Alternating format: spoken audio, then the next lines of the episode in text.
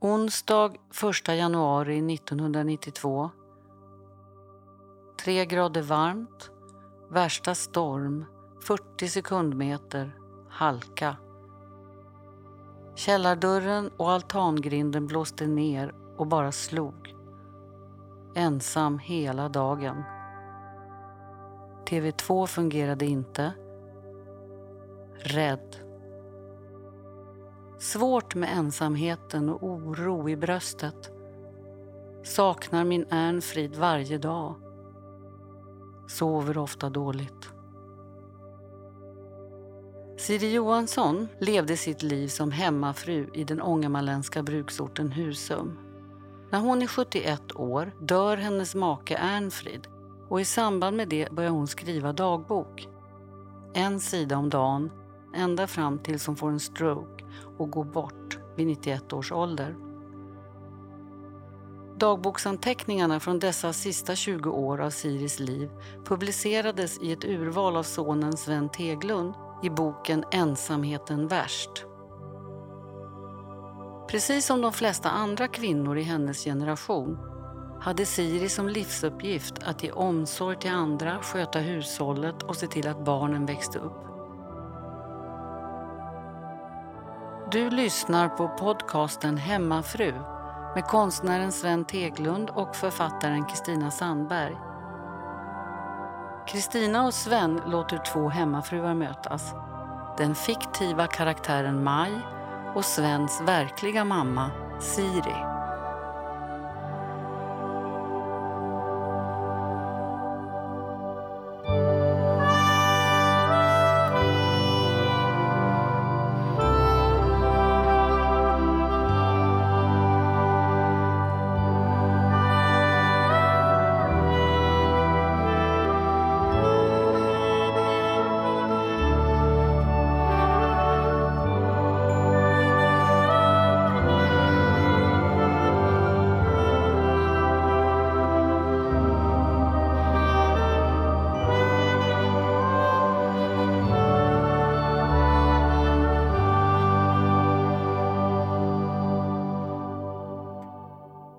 Vi har ju som olika kopplingar. Ja. Och under tidens gång har vi sett fler och fler Ja. kopplingar. Väldigt konstigt. ja, kan vi inte ta... Ska vi gå in på det här Ja. med hus? Det kan vi göra. och sånt. Jag berättade ju Mm. i förra säsongen av podden att, om min farmor Mm. som eh, växte upp i en by som heter Ängesjö i södra Västerbotten i början på 1900-talet. Hon hade väldigt många syskon eh, och nästan alla dog Mm. i tbc eller i andra sjukdomar. Och det, vi Var pratade om de det 15 syskon? de, alltså, som jag, så om jag inte har helt fel så tror jag att eh, min farmors mamma Anna födde 15 barn och att bara tre blev vuxna. Liksom. De, de, de var fem som, som ändå blev tonåringar. och så där. Men, men min farmor hade liksom bara två bröder i livet. Blev hon tre kvar. Tre kvar av 15. Både mamma och pappa då dog. Anna och Frans, som de hette, dog innan farmor var 12. Ja. Och, eh, Hon hamnade i fosterhem. nej, hon, hamnade, hon hamnade hos sin morfar och moster i Moliden Jaha. i, i Ångermanland. Eh, Så att det, det var ju tur att hon hade någonstans hon kunde, kunde bo. Eh, men det där idén om vad som hände var att då min farmors pappa Frans jobbade på sågverk, eh, på Norrby skär. Och ja, vad han exakt gjorde där. Men han, han skapas extra förtjänster genom att, att ha som en färjeverksamhet Ja. mellan fastlandet och Norrbyskär. Och sen köpte han den här gården i Ängesjö. Det var hans dröm att ha ett jordbruk och, och ha något eget. Och eh, den gården var då inte utrökt, sa man, från, TBC. från tbc. Och så händer då detta. Nu får du berätta vad som hände efter. Nej, men jag, jag, ja, men jag tänkte på det att Ängesjö pratade du om då. Ja. Och eh, min bror Lennart, han är gift med Lena som, som kommer från Ängesjö. Och det är ju ett pytteställe, får Det man är ju ett pytteställe. Och hon har växt upp i den gården som din Det är faktiskt... farmor var. Det var lite sådär för oss, för oss Ja, nästan. ja, precis. När, när vi, Så där hade jag varit. Jag har varit där. ja, du träffat. har varit där Jag mer varit- än jag. För jag har varit där på en släktträff bara. Ja, ja. Det har inte varit så många gånger, men, men några gånger har jag varit där. Ja. Och träffat Lenas föräldrar då, när, de levde. Och, så jag vet hur huset ser och lagorn. Och sen är det en gård, på, en gård till där. Mm. För det, min farmor eh, berättade ju... Hon kom ihåg sin mamma. Mamman dog när hon var åtta. Eh, men hon minns när hon fick rida på pappans arbetshäst genom byn, i, liksom vägen som går genom Ängersjö. Och stoltheten hon kände när hon satt på den där hästen. Och, och, och det är ju Ängersjö. Ja, det är, Ja. jo.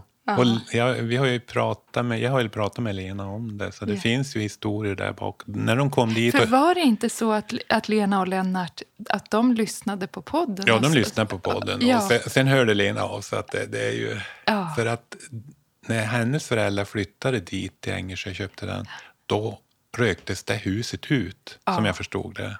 Då de flyttade in. Mm. Då bodde de inte i stora huset, i det lilla huset på gården där. Och sen röktes det ut för att det hade varit tbc där. Och sen levde de där då. Mm. Och det var väl Lenas bror som tog över jordbruket sen. Så, att, eh, så vi ha, hade ju en otrolig koppling där, du och jag. Och nu har vi bestämt att vi ska fara dit. Absolut. Ja, vi ska träffa Lennart och Lena Ja. till sommaren. Ja. Ja. Får vi se hur många av min släkt som vill hänga på. För alla Ja. blev ju eld och lågor när de hörde det här. Ja. Som farbror Jo. Erik. Och Lennart han, han skriver ju också, så att han har ju kartlagt den där släkten. Ja. Så han har lite, som ja, Lenas släkt då, Ja. hur det ser ut i, med ja, släktträdet och ja, årtal och sådär. Så det, det kommer att bli roligt. Ja, och min syster Greta också. Som, ja, för vi var ju på, på släktträff som sagt där Mm. 2000, 2004 var vi. Mm. Men då minns jag det som att vi stod på gården och jag blev liksom tänkte att det var en ganska stor gård ändå. Mm. Jag hade föreställt mig att det bara skulle vara ett litet torp. Men det är en Nej, det är en rejäl det är en rejäl ja. gård. Ja, Ja, precis. ja. Ja, men då får vi åka tillbaka dit. Men eh, stark historia. Alltså vilken... Alltså Som- det den är nästan ofattbar på ett sätt. Med tanke på idag med traumabearbetning och hur man... Mm. Men man får tänka att det var en... Det var en annan tid, men naturligtvis lika svårt ändå. Ja, men jag tror faktiskt det. För det är Ja. så, Betty, nu får vi ta Betty genom Moa Martinsson. Nu, kom, nu är det Moa Martinsson med. Då. Hon förlorar ju sina två söner i en drunkningsolycka. Där i torpet. Och det är ju i, i Sorunda i, i, på Södertörn. Där också romanerna om Betty utspelar sig. Johannesdal, Ja, är det torpet som heter Det det? är, torpet heter ju det. Eh, och eh, hon blir ju... Man, man säger att hon fick, fick en neuros, men det var ju så man uttalade Mm. För Jag tänker att hon kanske blir psykotisk. Om man, hon, alltså hon blev, Ja. blev ju inlagd på en psykiatrisk klinik, vad jag har det var förstått. två pojkar som Två drunknade. drunknade. Och vilken ålder?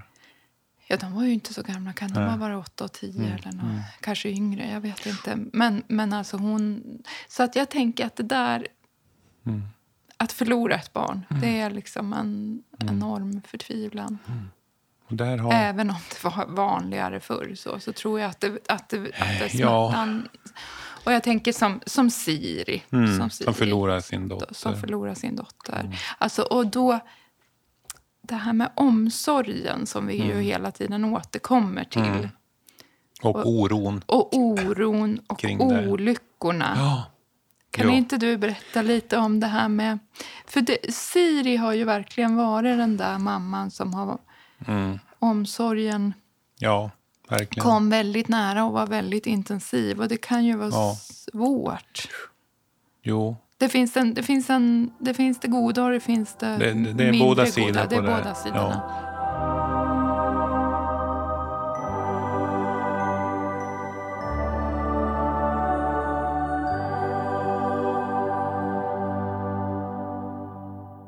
Jag tror jag sa det förra gången, men eh, att jag eh, fick ju förväntningar på mig att vara flicka eftersom eh, hon hade dött och sen fick de en pojke och sen kom jag sist och det var inte, hon var för gammal för att få fler. Så det fanns som förväntningar. Och det, att ersätta det döda barnet, det, det är ju omöjligt naturligtvis. Och, men när man tänkte mycket så, att man skaffar barn direkt. Alltså, det, det var ju lite andra tankar kring sorg och, och död. Det var ju nära död, men man, prat, man skulle inte prata så mycket om det, varken död eller sjukdom. För, för att då, då förstärktes det, tyckte man. Så att det, jag kan ju förstå att den där sorgen efter att hon förlorade sin dotter, det blev aldrig bearbetat, utan det övergick ju i, i, i min, i min uppväxt. Och, och eh, oron fanns ju där för olyckor.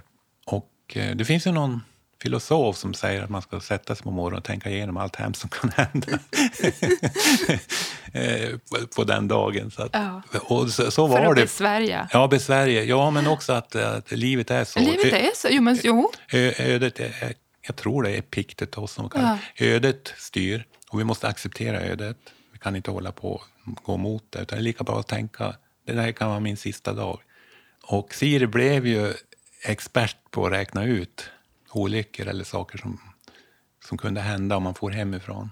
Så bäst vore jag, var ju man hemma så att hon fick ta hand om och kolla direkt.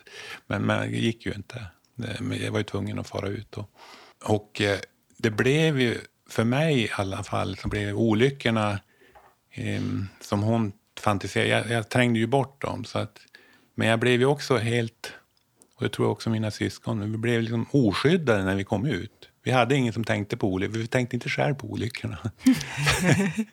så man visste inte vad som var riktigt farligt. Nej. Så vi, våran familj blev den mest olycksdrabbade familjen på Dombäcksön, det, det området vi bodde. Och särskilt med benbrott. Vi, vi, vi alla vi fyra syskon har bytt ben en eller två gånger. Och det var bilolyckor, det var motorcykelolyckor, eller mopedolyckor, det var skidolyckor. Det, är ju inte, det blir ju väldigt symboliskt sådär att inte kunna stötta på sina ben. Nej. För det är ju väldigt centralt Ja, att kunna gå i. på sina ben. så, och så att liksom, ja, hur det hänger ihop. ja. Liksom att, Vi, vi lånade ju kryckor från sjukhuset, men till slut köpte vi in dem till familjen. Så de stod där nästa. inför nästa, ja det är otroligt Ja, egentligen. eh, Ehm, det var mycket att, att om man har en, en mamma som tar över som or, för mig, oron för mig och försöker hjälpa mig på, mm, för mycket som det är. Eh, oron var ju hennes. Så hjälpte hon mig inte att klara tillvaron ute. För den var hon ju rädd för också, så hon kände ju inte till det. Och då blev jag ju liksom skyddslös. Och eh, när vi pratar om alkohol så började jag dricka väldigt mycket tidigt. Jag tror jag var 13 så, så drack jag ganska väldigt mycket och, och dolde det för henne. Vi levde alltså två liv. Eh, ett inne eh, i huset, där var jag Sven. Eh, ordentlig och snäll och allt det där. Och sen på bron då blev jag någon annan. Vi hade ju också öknamn, alla i Husum där. Man, man bytte namn på bron. Då blev man en annan, den öknamn man hade. Vad häftigt. Ja, och, och då, då var så- det... Eller jag menar bara, jag ser bara historien framför mig. Liksom. Det, det, Och- och det då- blir som då- en roman. Ja. Eh, så, så mitt benbrott som blev eh, i 14-årsåldern, det var ganska allvarligt. Och det var väldigt dumt. Vi skulle flytta en orgel och eh, satte den på ett släpvagn. Och eh, det var våra musiklärare i skolan som körde bilen. Och vi skulle stå och hålla i orgeln på släpvagn. Men gud vad hemskt. Så dumt. Ja, så dumt. Verkar inte ha ett spännband. Det går inte att stå på släpvagn. Nej. Så hade han en amerikansk bil så han tryckte ner gasen. Nej men gud. Så vi flög. Nej men gud vad, vad hemskt. Ja. Jag slog sönder mitt ben och det, Ja. det tog Nej väl men jag tänker orgel. Liksom, orgeln stod kvar. ja. Ja. Det var ju dumt. Ja, men, och det var ett exempel på att jag inte skyddade mig själv. Nej. Jag, jag borde ju ha jag var ju 14, jag kunde säga men det går. Jag, Nej. men nu var det ju han också som lärare. Ja, borde- väldigt svår situation. väldigt svår situation. Jättesvår situation att sätta sig upp mot en auktoritet. Liksom Ja. sådär, och, och, tänk, och man tänker att ja, men, det är en vuxen person som vet. Ja, Ja. och för...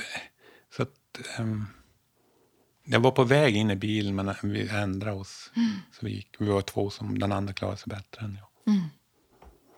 Samtidigt så bröt det där, eh, alltså just med alkoholdrickan, det var mellanölstid. För mig så, så jag tror jag tror ett och ett halvt år innan jag kunde gå igen. Det var en svår period mitt i tonårstiden. Och eh, det löste jag med gitarrspeleri, så jag spelade gitarr då.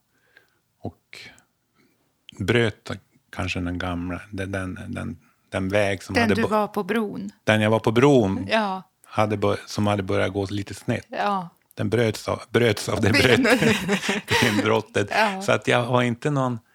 ehm, jag tror också att det, det ledde till den här konstnärliga banan. Att jag var tvungen att sitta hemma och göra någonting av det. Så, som det kan vara med olyckor, att det ger en annan riktning i livet. ja.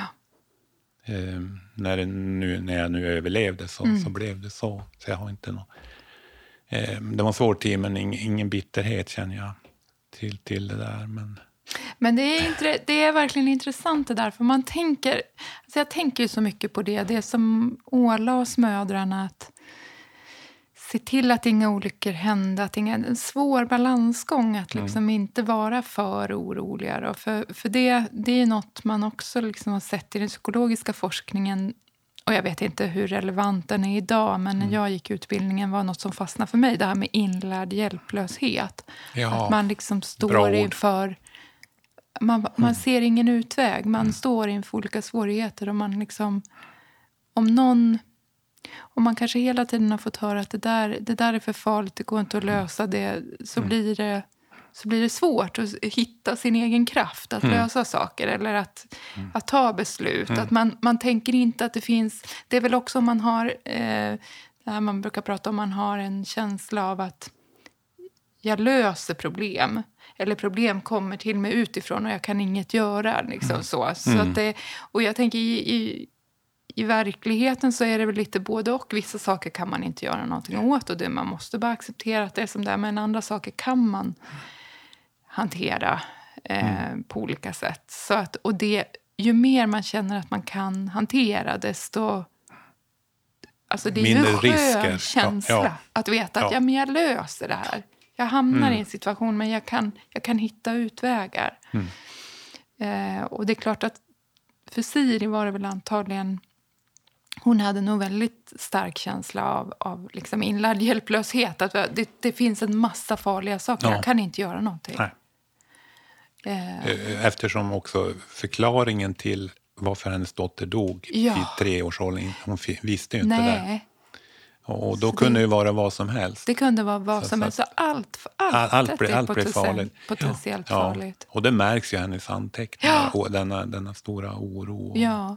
Och rädsla för olika Ja. saker. Så det, det är ju... Men, men jag, jag träffade också en, en, en dansk författare. Jag vill inte säga vad hon hette, för, för det blev ett speciellt seminarium i, i Köpenhamn.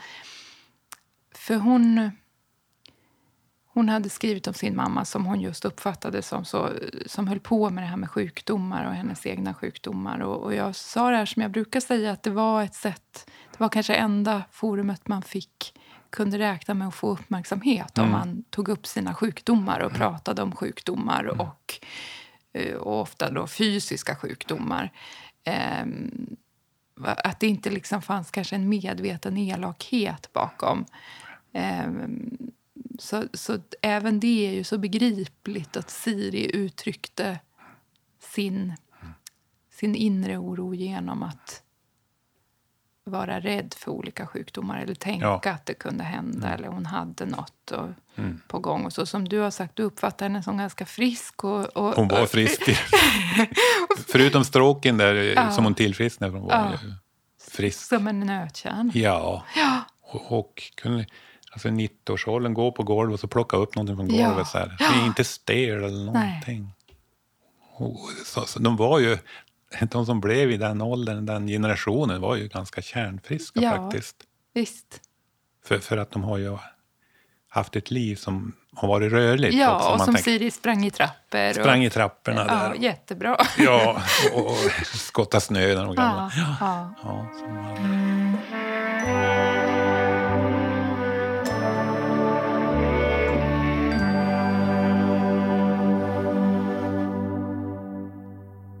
Men har du växt upp med oro från... Nej, Nej. det har jag inte. Mm. Inte från mina föräldrar. De har eh, nästan lite tvärtom. inte så, Mm. nej, blir mamma ledsen om jag eh, säger så. Men, men, eh, Mm. nej, men i, inte sjukdomspjosk överhuvudtaget. Alltså ingenting sånt. Nej. Ehm, sen, när det väl har varit något så, så är, är Mm. det klart att... Inte så att hon ignorerar det, men, men inte... Men hon växte ju också upp med en mamma som hade många olika symptom som inte alltid var något. Och det finns ju en fara i det naturligtvis, att när man... Till slut så hör man det ju inte längre. Någon som alltid ska Nej. dö nästa dag eller liksom har någon livshotande sjukdom som de inte har. Så det, man, Man, man hör man hör ju inte alarmet till slut. Nej, för plötsligt kan det vara allvar. Då, Plötsligt kan det ju verkligen vara allvar, men, men liksom, det, det är ju svårt med hypokondri på det sättet. Att eh, ja, det är ju lite, lite tungsamt, om man säger så. Eh, så att, och, och mamma själv är sån där som jag får säga, nu, nu går du till doktorn. Nu måste du liksom. ja. Det där måste du ändå kolla upp och så. Jag är väldigt... Eh, alltså vanligtvis... Eh, människor vill ju gärna träffa andra som är empatiska. Ja, Som, som säger, om jag berättar någonting, att jag har jobbigt. ja, Och så säger den andra som är empatisk, ja, jag förstår hur du känner. Eller jag sätter in sig och, ja. och tycker det är jobbigt och vill prata om det. Jag gillar inte sådana personer. Nej, nej. Jag tror att det är en konsekvens Ja, av din mamma. din mamma, min Eh, mamma. ja. Så, så att jag vill gärna ha personer som jag kallar empati 2. Ja, Att man- empati, vad är det? Ja, empati 2. Det låter bra. De säger så här, jag, om jag säger jag har ont i foten, jag har skadat mig. Då tänker de, ja, men har, jag, jag hade också ont förra året när jag slog mig. Alltså de tänker på sig själv Ja, först. ja, Och, och går inte in och pjoskar kring, kring min fot. Va? nej. Utan mig själv och, kan berätta, börja berätta om sina sjukdomar. Du tycker det är bättre? Jag tycker det är bättre. Och, och, bä- och roligast tycker jag är de som har empati 3, som Ja. kallar det. de, de blir glad. För Då tänker jag så här, oj, tur att det inte var jag. så, jag har såna vänner. Som är, om jag har någon, då, då, då tänker de, då får de glada för att de, har, de, har, de inte drabbats. Ja, ja. Men det är, en konst, det, det är ovanligt tror jag. ja det tror jag är ovanligt. Ja, ja. Eh, Konsekvens, alltså de flesta vill ju ha empater, alltså i ett. Ja, det jag mer kan reagera på när man, när man har en, en tuff situation det är ju om det... Det är helt okej om, man, om man har empati 1, 2 eller 3. Det, det, det, för det är begripligt. Alltså Alla varianter finns. Ja, Men om jag då ska förväntas ha empati 1 Mm. i nå annat förhållande just när jag har det som jobbigast, det, det, det orkar jag inte riktigt med. Att om jag... Nej, du måste ha empati med någon som har det ju- ganska lätt. Ganska lätt Ja. just då. Ja. Okej, du, har, du har det där, men du vet, jag... Mm. Ja, Då, då, då känner jag, nej, det, eller det har kommit till en gräns nu. Mm. Nej, jag orkar inte det. Nej, då väljer du bort. Då väljer jag bort. Ja, För det... det så att då, då, då, då känner jag mig, nej, jag klarar det här själv. ja just Så. I, inte att jag... Nej, nej jag, jag, Jag jag förstår förstår. du- förstår du ja, vad jag jag menar? det. Liksom det- då- det, det blir ett... ehm, det, det, det, blir det liksom går inte att ge empati när man känner att... eh, det, det fanns inte empati med mig, Nej. men jag ska ge ja, empati ja, just. till, till Det- något det- ganska tramsigt. Ja, det, Alltså, ja. det, det, det. Och så ska vi på något vis vara överens om att det är ungefär samma sak. Mm. ja, nej. När det finns en, liksom, när det på något sätt finns någon där det finns någon själv... Nej, men det är inte samma sak. Nej. Nej. Det är inte så ofta man har såna, men ibland har man ju såna krissituationer i Ja. livet när det är ovedersägligt har Att man, man det har värst, jo. fruktansvärt tufft. Ja, jo. Bland Siris väninnor skulle man ju vinna den Ja, dagen man hade värst. Ja, och det, Ja. det- och det, det är vanligare än man tror. För jag tror att empati 3, eh, som tänker tack och lov, det är inte jag som har det där. Det finns liksom en... Det är ju bra om man kan känna, för det kan jag känna igen mig i. Att, att det liksom man, man går och kalkylerar med risker Ja. i sitt inre och gör såna här lite konstiga utslag. Okej, har det där hänt, då är det inte så troligt att det händer. Men det, det finns ju inte någon riktig sån. Nej. Nej, Men, men, man, det, men man gör, det är ett sätt att trygga sig själv. Ja. Så. Men, men vi kanske har blandning av de där i olika har, situationer. Jag tror vi har det med, med olika människor och i olika situationer. Men en sån som har, eh, som Siri, att eh, hypokondri och sådär, de, de får man passa sig för att vara empatiska Ja. med. Utan då måste man hålla distansen för att Ja. går man in i den empatiska känslan och försöker Ja. hjälpa, Ja. då blir man ju knäckt. Ja. Alltså för det går ju inte att Nej. hjälpa. Nej. Utan det som händer blir ju att man blir arg Ja, över att åh, nu har jag försökt hjälpa och, Ja. och det är ändå inte bra. Nej, du blir precis. aldrig godtagen som Nej. empatisk och du, du, då, då börjar du ju slå tillbaka och bli Ja, arg. Va? Och det, ja. det är sånt de möter, de här kvinnorna som Precis. är som kanske, ja, som var som Siri. ja, Det där, där det blir en del av livet att vara Ja, orolig, sjuk för att få uppmärksamhet. Ja. Och så där. Att de möts av ilska. ja. Man måste... Och då, när man inte hade, det är ju det, det när man inte hade ord för sin ångest. Man Nej. kunde inte säga jag har ångest, jag Nej, känner oro. För fanns det inte fanns där. inte. Nej. Så det är klart, då vart det ju det liksom... var ju också det, det, det, fysiska som ja, det handlade som om. det var möjligt att prata ja, om. Ja. Absolut. Så att det... Men, men, men det, jag kan väl säga att det, det är väl... Krocken är även när man själv... Eftersom jag då inte... Jag, jag kan ändå inte påstå att jag är hypokondrisk. För att jag är tvärtom, att jag går för sällan Ja, just. Mm. till, till doktorer och sådär och inte kanske struntar i Mm. symptom. Så att, Typiskt manligt egentligen. Ja. Som räknas som manligt. Ja. Har sett det för det, ja, men för lite så. så. Ja. Och då, eh, om jag då möter någon som, när det verkligen är något, eh, som, Mm. som vill låta påskina att jag är hypokondrisk, då blir jag vansinnig. Eller då blir jag skitförbannad. Så. För att jag, jag känner igen det där. Ja. Den där liksom lite... Att de håller emot. de ja, håller ja, emot. Ja, de tar inte in. De tar ja. inte in. Och Ja, just det. Ja. Ja. Men det är ett väldigt intressant eh, spel mellan Ja. människor Ja. kring eh, det där med känsla som är något annat än empati. Och, eh, och eh, det, det egoistiska, Ja, alltså att klara sig själv. Det, det är en intressant. det är verkligen intressant och väldigt speciellt. Det Mm. Och här hur man möter människor som mår dåligt på rätt sätt så att det inte blir ilska och Mm.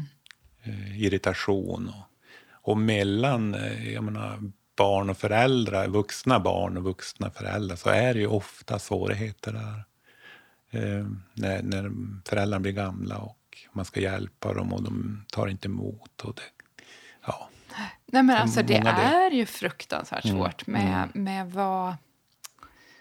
Att orka möta andra människor. Det finns ju kanske en klichébild av att vi är, ganska duktiga på det i, i, idag. Och så där. Men det kanske, vi kanske inte är så himla duktiga på det. Även om man pratar mer om psykisk ohälsa och, och, och så. Men det, det är svårt. Det är det. Det är svårt, för att det väcker ju saker i en. I Mm. samtal så väcker det ju egen ångest. Och jag tänker, både du och jag har ju yrken där man på Mm. något vis är tränad att ge akt på sina egna... Mm. Vad händer i mig i samtalet? Vad, varför väcker det här vrede? Varför blir det här Mm. si eller så? Men det är ju det är ganska svårt. För Ja. när man blir överfallen av, av sina känslor så, kan man ju, så Mm. är ju ofta impulsen att försöka eh, slippa ifrån de känslorna. jo. Och då är det precis som man var författare, att man behöver en redaktör. Ja. Som behandlare då behöver Ja. man en, en handledare Ja, som precis. hjälper med de där Och bara när, det bara när det bara är vänskap då så är det ju liksom... Det kan ju vara väldigt Det är svårare. svårt. Ja, det ju, kan för vara då har man ingen handledare. Nej, man har ingen handledare. Nej. Därför vi kanske, både du och jag också gillar ensamhet. Ja, precis. ja, men det, då kan man läsa böcker och titta på bilder. Ja. och lyssna på musik. Och, Ja, en total frihetskänsla. ja, jo. Ensamheten bäst. bäst. Ja, ja, det... Ja. det Nej, men nej, till viss del. Men, till viss del. eh, om man är känslig person så, Ja. så är det ju...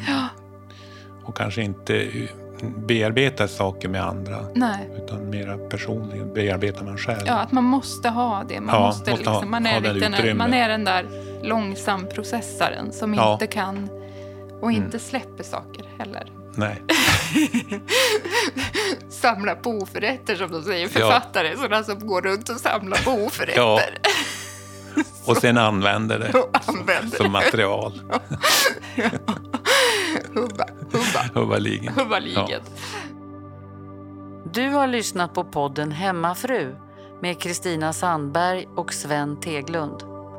Den finansieras av dig som lyssnar och om du tycker om den får du gärna stötta den med ett bidrag. Du kan gå in på sajten patreon.com hemmafru och ge en valfri summa per avsnitt. Det går också bra att stötta podden genom att swisha till nummer 123 559 7133. Skriv då hemmafru i meddelandefältet. Tack alla er som gör podden möjlig. Hemmafru är en produktion av Teg Publishing.